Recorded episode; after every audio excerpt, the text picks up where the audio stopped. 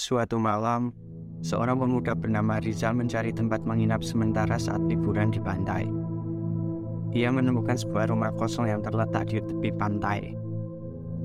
Rizal merasa sangat senang karena rumah tersebut tampaknya tak terpakai dan sangat cocok untuk menginap.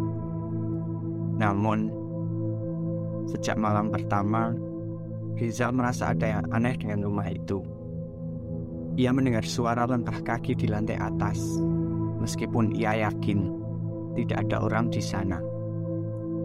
Pada malam kedua, Riza merasa ada yang menatapnya dari sudut ruangan yang gelap. Semakin menjadi-jadi ketika ia melihat bayangan gelap yang bergerak di dinding. Rizal mencoba meninggalkan rumah itu di pagi hari, tapi ia merasa sangat sulit untuk beranjak dari tempat tidurnya. Ia merasa terjebak di tempat tidur dan merasakan ada yang menekan dadanya. Setelah berjuang untuk melepaskan diri, ia akhirnya berhasil keluar dari kamar tidur dan melarikan diri dari rumah tersebut.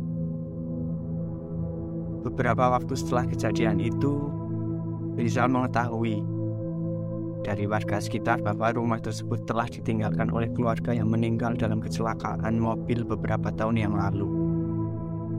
Konon, Roh keluarga tersebut masih menghantui rumah tersebut dan sering menakut-nakuti siapa saja yang mencoba menginap di sana. Sejak kejadian itu, Rizal tak pernah lagi berani mendekat rumah kosong itu dan memilih mencari tempat menginap yang lebih aman di tempat lain.